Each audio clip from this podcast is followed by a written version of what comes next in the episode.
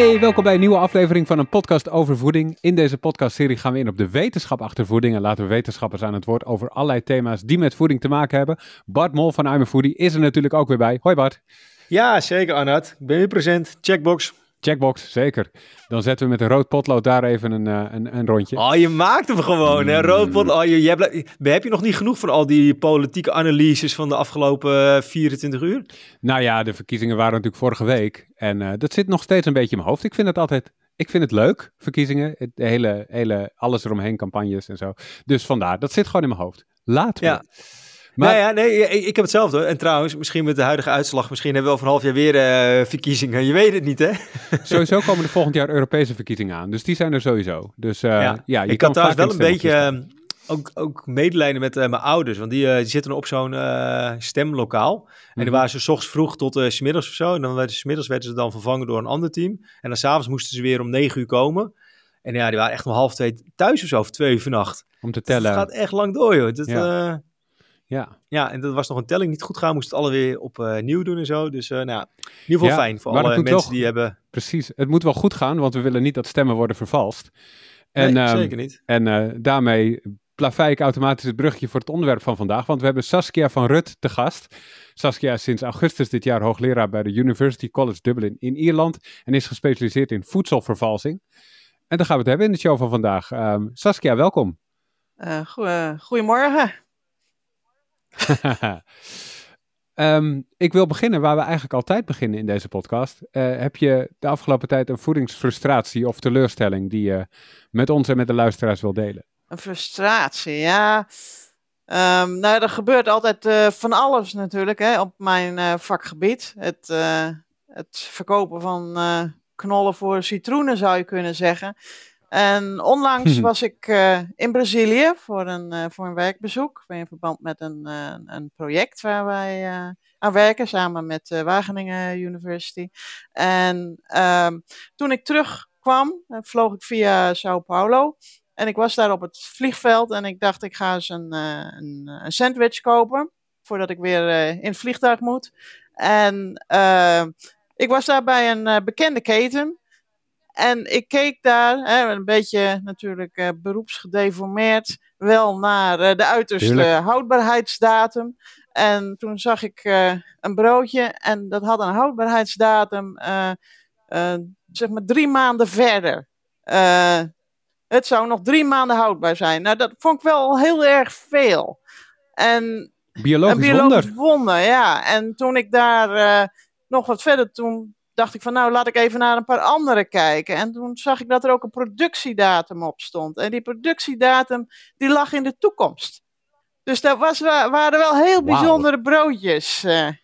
En ja, dat soort dingen komen van... Je ging tijdreizen. Ja, ging tijdreizen, ja. Dus dat, ja, dat vind ik uh, toch altijd wel weer uh, bijzondere dingen. Zelfs op zo'n heel groot vliegveld, internationaal vliegveld, dat dat soort dingen gebeuren. Doe je daar dan wat mee? Of denk je, oh, dit kan ik nog eens in een podcast vertellen, maar laat je het daar verder bij zitten? Ja, goed. Uh, ik neem altijd wel een paar foto's en ik gebruik het als materiaal, als voorbeelden, ook voor mijn studenten natuurlijk, hè, in, uh, in onze colleges. Ja, want dit lijkt me echt wel een, een goed voorbeeld van, van voedselvervalsing. In dit geval het vervalsen van de productiedatum en waarschijnlijk ook de houdbaarheidsdatum. Um, maar uh, het is je specialisme, maar wat precies valt onder voedselvervalsing? Wat, wat is het precies? En wat valt er niet onder? Ja, voedselvervalsing, hè, wat ik al zei, heeft alles te maken met die, die knollen voor citroenen verkopen. Iets verkopen wat het eigenlijk niet is. Uh, er zit niet in de verpakking wat er op het label staat. En uiteraard, een knol voor een citroen of een, een appel voor een banaan verkopen is nog relatief eenvoudig te ontdekken. Maar zo gauw uh, producten meer uh, bewerkt zijn of meerdere ingrediënten gemengd zijn, denk bijvoorbeeld aan specerijen, dan wordt het al een heel ander verhaal. En dan wordt het moeilijk te onderscheiden. En ja, dit soort zaken gebeuren natuurlijk voor economisch gewin. Hè, en zijn altijd opzettelijk, dus dat, dat, zijn een beetje de definities. Hè. Het is het vervalsen van voedingsmiddelen voor economisch gewin en altijd opzettelijk. En kun je voorbeelden noemen van dingen uh, die geen voedselvervalsing zijn, maar die wel richting de grens gaan. En ook dingen die er net overheen zijn, dus die wel vervalsing zijn. Om een beetje duidelijk te krijgen waar de grens ligt tussen uh, voedselvervalsing en nou ja, wat gewoon nog mag. Ja, goed. Er zijn natuurlijk uh, zaken die onder uh, het kopje misleiding vallen. Dat is ook niet toegestaan. maar dan zou je kunnen denken aan een verpakking waar een een grote foto van bepaald vrucht op staat, terwijl er maar een, een, een, een beperkte hoeveelheid uh, in de verpakking zit. Dat, dat, dat is, gaat meer richting misleiding. Um, je hebt natuurlijk ook dat in sommige gevallen is het toegestaan om bijvoorbeeld vocht toe te voegen, omdat dat een, een, een, ja, een, consequentie is van het proces. En dan kun je nog net aan de goede kant van de lijn zitten. Hè. Dan is het geen vervalsing, uh, zeg maar juridisch gezien. Terwijl als je over die grens gaat, ja, dan, dan valt het wel in die categorie als het niet op die manier geëtiketteerd is. Dus ja, dat zijn een beetje de grensgevallen. en, en ja, ik sorry, uh, ik heb hem eerlijk gezegd nog niet echt scherp. Want wat is dan de misleiding en waar zit dan uh, de vervalsing of de fraude? Want fraude is ook nog weer, eh, dan weer een, misschien een derde term. Want als ik bijvoorbeeld een, uh, in de supermarkt loop en ik zie daar dan een aardbeiendrank staan met 100% aardbei. Dan denk ik, oh lekker, ik ga aard, een aardbeidrank kopen. En dan kijk ik op de ingrediëntenlijst en zie ik dat er 0,001% aardbei in zit. En misschien alleen maar water met allerlei andere ingrediënten. Is dat dan misleiding? Of is dan bepaald iets vervalst? Of, nou ja, dat, dat is iets wat in ieder geval niet mag. Als er 100% eh, aardbeien op staat, dan, uh, dan zou dat er ook in moeten zitten. Uh, als het alleen op het, het label een, een grote aardbei te zien is, terwijl daar een hele geringe fractie aardbei in zit, dan zou je kunnen zeggen dat dat misleiding is. terwijl het etiket wel klopt. En als er eh, ook op eh, de ingrediëntenlijst staat dat het 100% aardbei is, maar bij analyse blijkt dat dat niet zo is. Uh, inderdaad, maar 0,001% en uh, alleen maar flavoring is bijvoorbeeld. dan zou je wel spreken over fraude, vervalsing. Dat is hetzelfde. Oké, okay, dus fraude en vervalsing is hetzelfde en dat is het verkeerd etiketteren van voedingsmiddelen? Kan ik het zo samenvatten? Ja, het, het hangt er vanaf hoe je het bekijkt. Is het het verkeerd uh, etiketteren of is het het uh, veranderen van het voedingsmiddel? Het is de, de combinatie van de twee. Als je kijkt naar in de tijd die, het grote geval met het paardenvlees, ja, is het dan het, het verkeerd labelen of is het het verkopen van paardenvlees voor rundvlees? Is het, gaat het om het product? En dat is natuurlijk een bekend voorbeeld. Heb je meer bekende voorbeelden waarvan we allemaal denken: oh ja, van voedselvervalsing die uh, in het nieuws is gekomen of bekend is geraakt? Uh, nou ja, er zijn regelmatig uh, gevallen met biologische producten bijvoorbeeld, die niet biologisch geteeld blijken te zijn. Bijvoorbeeld de fipronilcrisis, misschien ook nog herinneren, met, met de eieren, waarbij een bepaald schoonmaakmiddel uh, andere ingrediënten bevatten. En waardoor die ingrediënten uiteindelijk in de eieren, hè, in, de, in de leghennen en in de eieren oh, terechtkwamen. Ja. Dat is een indirect geval, indirect uh, geval van voedselfraude. Uh, ja, en zo zijn er meerdere. Melamine bijvoorbeeld, dat is meer dan tien jaar geleden in China, waarbij melamine in melkpoeders terecht kwam. Hè, omdat probeerde het eiwitgehalte te verhogen, schijnbaar te verhogen. En dat kwam uiteindelijk in babyvoeding terecht. Er zijn honderdduizenden kinderen in ziekenhuizen beland en ook een aantal overleden. Dus dat zijn eh, best, uh, in sommige gevallen is het ook, zijn er ernstige gezondheidsrisico's. In de meeste gevallen niet, maar in sommige gevallen wel. Maar wat wordt er tegen gedaan en wat kun je doen? Nou, de verantwoordelijkheid ligt uh, volledig bij uh, de, de keten, bij de, de actoren in de keten, dus de, de bedrijven die de voedingsmiddelen produceren, de primaire productie bij de, de boeren, bij de verwerkers en uiteindelijk bij, bij de supermarkten, bij de retail of bij nou ja, de food service, bij de restaurants en, en dergelijke. Ehm, die hebben de verantwoordelijkheid om te zorgen dat het voedsel is hè, wat het, uh, uh, zoals het gelabeld is. Ehm, en dat het juist gelabeld is. Uh, daarnaast hebben we natuurlijk een overheid in Nederland, de Nederlandse Voedsel- en Warenautoriteit, die toezicht houdt op die bedrijven. En ehm, nou ja, ook in een Europees verband zijn daar wel een samenwerking ook weer tussen de lidstaten om dit soort zaken op te sporen. Maar hoe gaat die opsporing? Is dat dat het mensen letterlijk langs de schappen van de supermarkten gaan, alle producten meepakken en ze in het lab gaan analyseren? Of, uh, ja, hoe, nou ja, het, de, de, de, beste uh, beheersing in het geheel is in de keten. Hè? Dat bedrijven zelf uh, hun ingangsmaterialen controleren. dat er track-and-trace systemen zijn, dat er massabalansen in sommige gevallen zijn om te checken dat wat erin gaat er ook weer uitgaat. En, en niet vermenigvuldigd wordt bijvoorbeeld.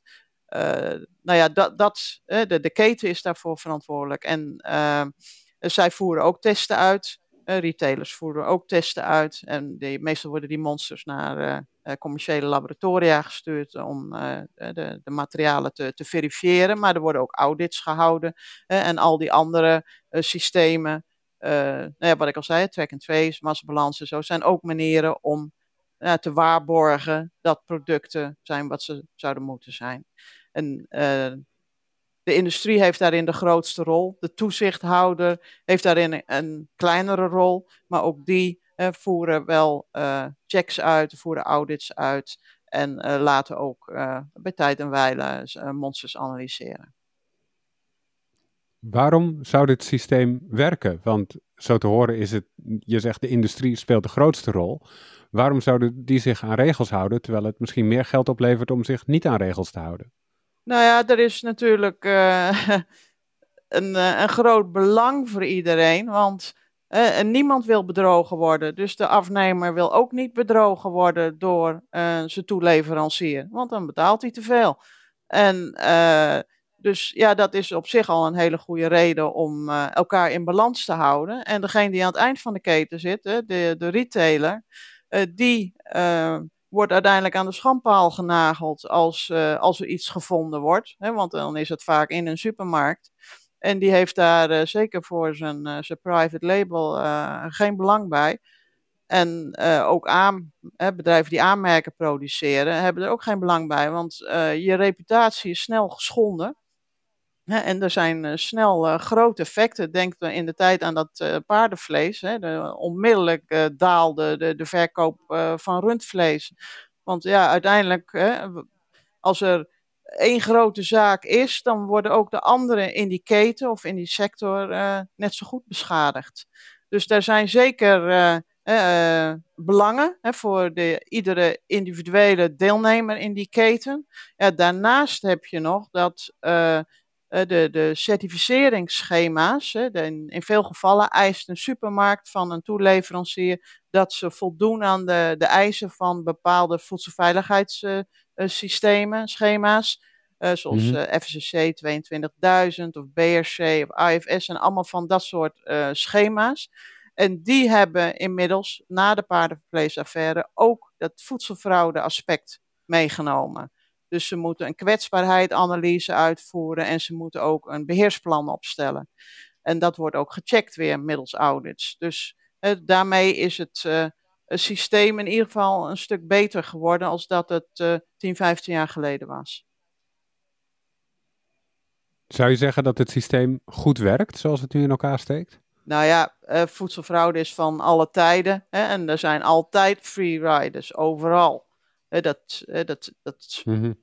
Dat zie je in de, in de wereld van de banken ook. Of overal waar het om economische fraude gaat. Uh, uh, dat, dat is niet iets wat je volledig uitbandt. Het is niet een kwestie van het, zeg maar het, het helen van een gebroken been, maar het is meer het managen van diabetes. Dus het is belangrijk om dat soort beheerssystemen te hebben en constant waakzaam te zijn. Maar door allerlei uh, veranderingen, zeker uh, veranderingen die opeens plaatsvinden, zoals met de pandemie, met de oorlog in Oekraïne.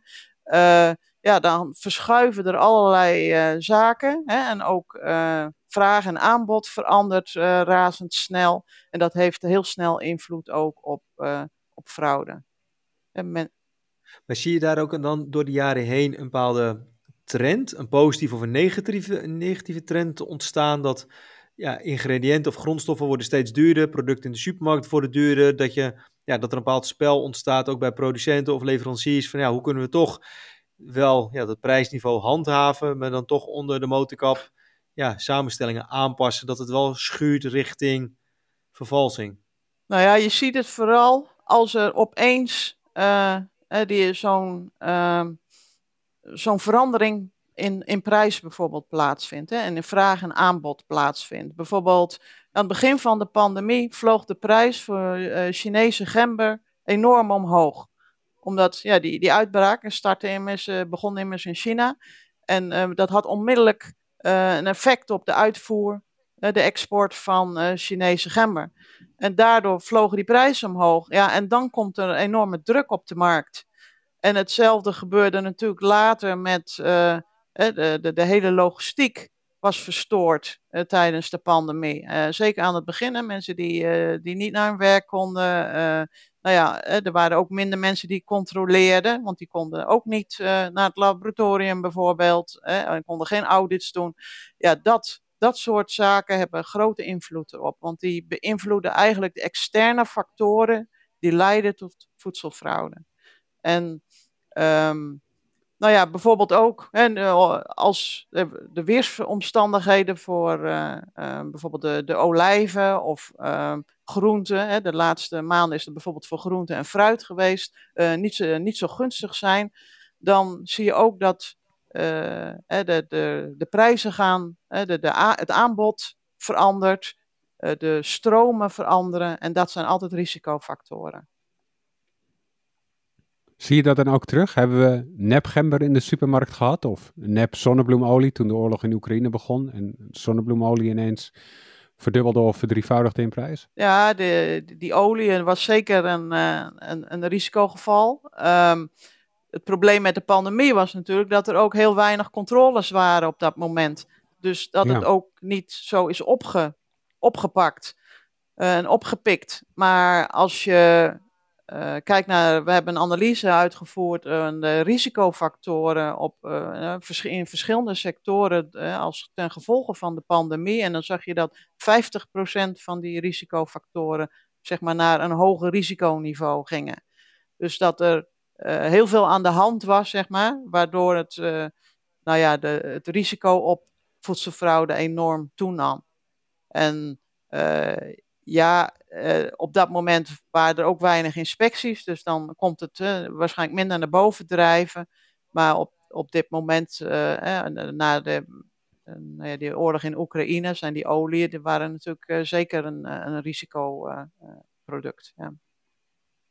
Maar is dat echt gebeurd? Heb je daar weet van? Of ja, er zijn, natuurlijk dat... zijn, zijn er gevallen geconstateerd met verschillende oliën. Oké. Okay. Ja, maar... zijn, zijn die producenten zijn multi multinationals, dus dan praat over het wereldwijd eigenlijk. Um, hoe verhoudt zich Nederland dan met de gevallen die bij ons naar voren komen of naar buiten komen, versus buurlanden of andere landen die je. Nou ja, we, we, we, praten over mondiale voedselketens hè, tegenwoordig. Alles komt van over de hele wereld. Het zijn hele uitgestrekte netwerken waar onze uh, voedingsmiddelen vandaan komen, of de ingrediënten voor die voedingsmiddelen. Dus we zijn allemaal met elkaar verbonden.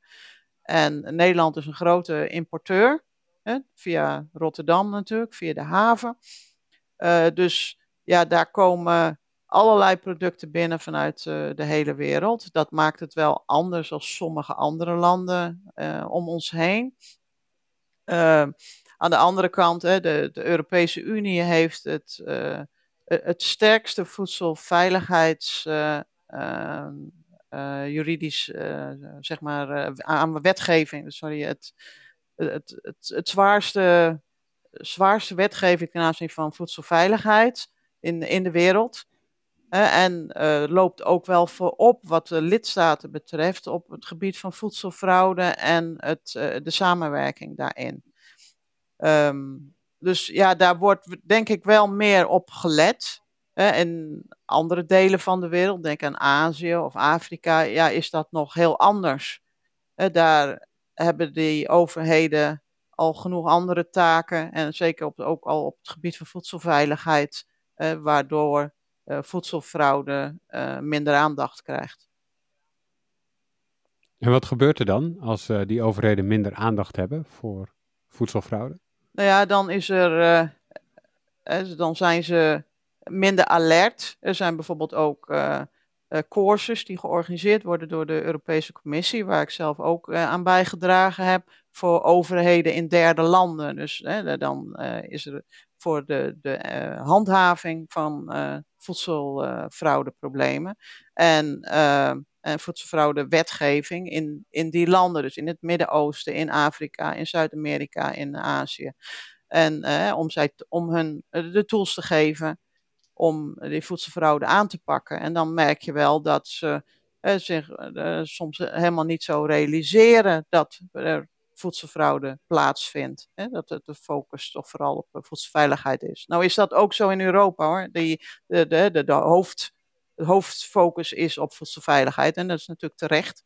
Maar sinds die paardenvleesaffaire is men toch wel uh, wakker geworden. En uh, want, je, want, je, zei, de industrie heeft de grootste rol. Um, als overheden dan minder aandacht hebben, zie je dan dat er meer fraude is? Of valt het eigenlijk wel mee?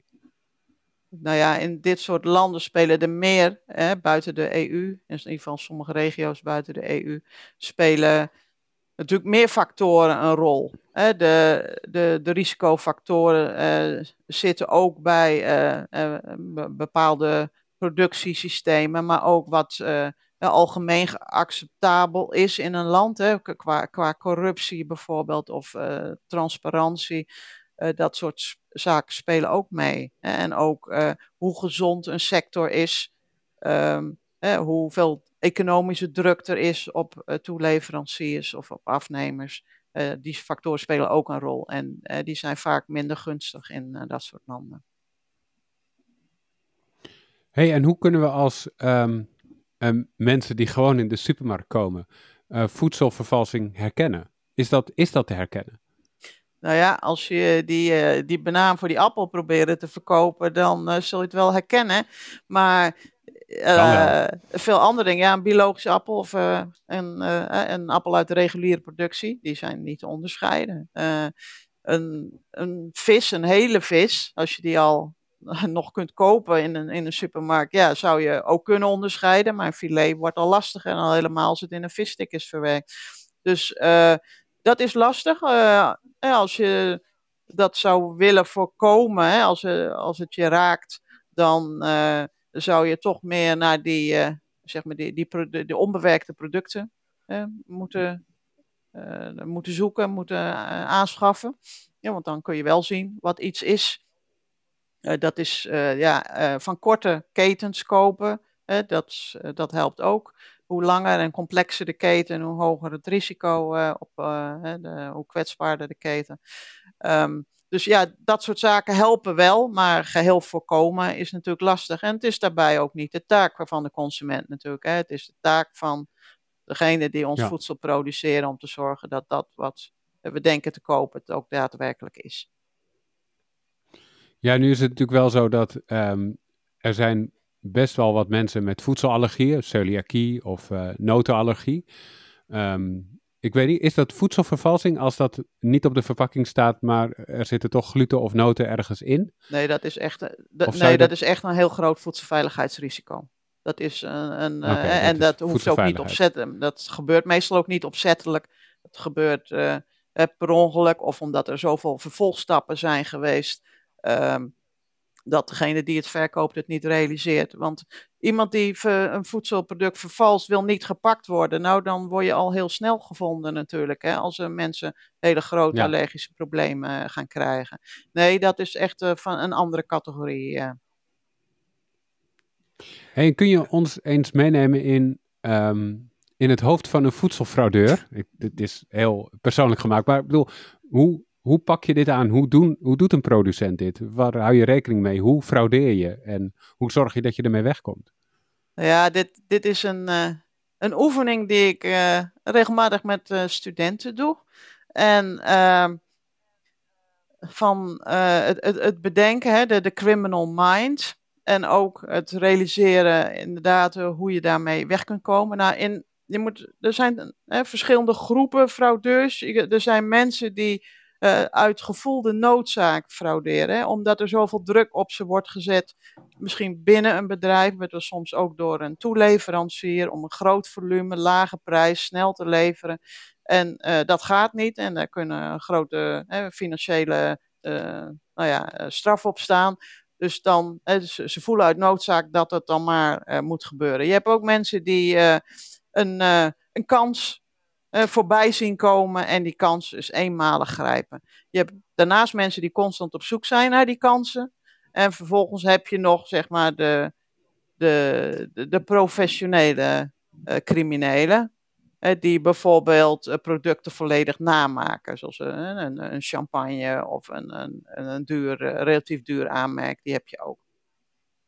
Dus ja, het hangt er wel okay. een beetje vanaf in welke categorie je valt en uh, ja, als je uh, vervalt, zul je er inderdaad aan. Dat zal het zijn met iets waardoor je uh, financieel wint, economisch wint.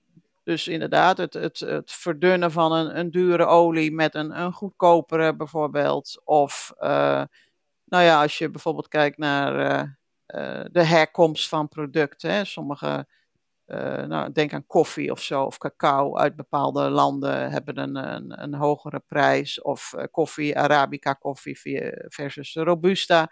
Nou ja, dat soort zaken hè, waar er een, een, prijsverschil te maken is, is uh, een interessante target, zou je kunnen zeggen. Een interessant doel voor, voor iemand die fraudeert. Nou ja, daarnaast wil je natuurlijk liefst dat het niet ontdekt wordt. Dus ja, daar, ook daar zul je iets aan moeten doen.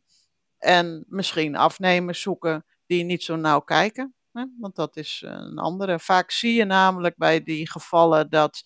Uh, kijk, niemand kan dit in zijn eentje doen. Hè? Dat, dat gebeurt uh, vrijwel niet. Het is niet iets wat iemand in zijn eentje, in één, persoon in een bedrijf doet. Dus je hebt altijd um, nou ja, anderen nodig om je heen. Uh, binnen de organisatie waar het dan blijkbaar geaccepteerd is. Hè, zoals met dat paardenvlees was het, als je die interviews leest van de medewerkers van dat, uh, dat bedrijf in de tijd, dan zie je dat het volledig geaccepteerd was. Iedereen wist wat daar gebeurde. Uh, ja, dan is het een, standard operation procedure geworden. Hè, en dan kan dat allemaal plaatsvinden. Soms is het ook dat, dat er binnen de keten handlangers gevonden moeten worden, zodat het niet ontdekt wordt en het uh, geruisloos kan plaatsvinden. Zo is er bijvoorbeeld een case geweest in Nederland met de productie van eieren, waarbij te veel leghennen op vierkante meter geplaatst werden. Dus eigenlijk meer leghennen werden aangeschaft dan zou kunnen, hè, op, op basis van het aantal vierkante meters. En uh, nou ja, daar waren deals gesloten tussen degene die de leghennen, uh, zeg maar, uh, zeg maar produceerde, richting het bedrijf dat dan de eieren produceerde. En ja, dat moet allemaal geregeld worden op papier, hè? Een, een dubbele boekhouding, transport, uiteindelijk ook die eieren, want er worden natuurlijk ook veel te veel eieren geproduceerd voor de grootte van het bedrijf. Nou ja, al dat soort zaken moeten weggewerkt worden. Dus ja, daar heb je handlangers voor nodig. En die netwerken, dat is ook iets waar wij ons ook op richten in onderzoek, uh, zijn uh, ook erg uh, interessant. En dat ja, zijn allemaal zaken waar je aan moet denken als je fraudeur bent. En zitten die fraudeurs hoog in de bedrijven of zijn het meestal juist de mensen die gewoon inkoper zijn en een paar handlangers erbij die op hetzelfde niveau zitten die dit allemaal opzetten?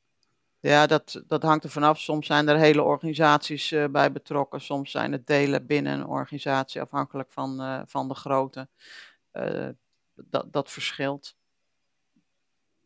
Ja, snap ik. hey, ik denk dat het al tijd wordt om richting de, de tips te gaan. Um, heb je een paar praktische tips voor onze luisteraars met betrekking tot dit onderwerp? Nou ja, het is altijd goed om je ja, je ogen open te houden en, en uh, die, uh, die etiketten goed in de gaten te houden. Hè, want in sommige gevallen is het wat wij noemen lawful but awful. Um, dus uh, sommige dingen die lijken misschien fraude, maar die zijn het niet, want uh, dat klopt wel volgens de regels. Uh, andere dingen is ja. het ook goed hè, om na te denken van als iets te mooi is om waar te zijn, dan is het waarschijnlijk te mooi om waar te zijn. hele goedkope flessen, extra verge olijfolie. kunnen eigenlijk niet voor die prijs geproduceerd worden. Hè, dus dat is ook iets om um, nou ja, het is goed over na te denken. En ook of je dat soort dingen dan wil ondersteunen.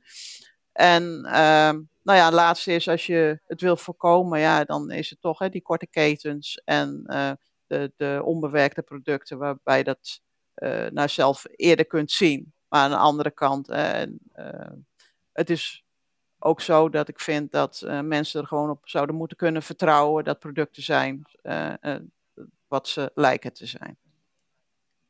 Yes, duidelijk. En uh, tot slot uh, de laatste vraag. Wie zou er moeten vragen als uh, volgende gast in deze podcast? Jij bent zelf trouwens getipt door Martijn Katan eerder dit jaar. Okay. Dus we, we, luisteren echt. en Bart doet er wat mee. Nou ja, dat is interessant, want Martijn Katan is ooit mijn begeleider geweest tijdens een, een afstudeerproject bij Wageningen University, heel lang geleden. Um, nou, degene mm-hmm. die ik zou kunnen aanbevelen, uh, en het is een beetje in hetzelfde veld, is um, Wim Huisman. Hij is uh, professor criminologie in uh, Amsterdam aan de VU. -hmm. En nou ja, hij weet heel veel over crimineel gedrag, ook in, in het kader van, van voedsel. Dus nou ja, hij, mij lijkt dat hij een, ook een goede kandidaat zou zijn. Yes, helemaal goed.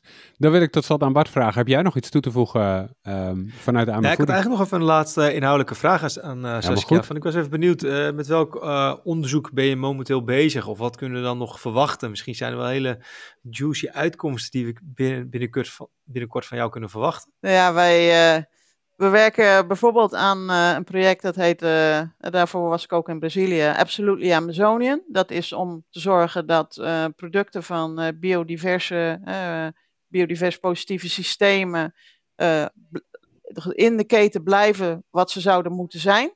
om die producten te kunnen volgen.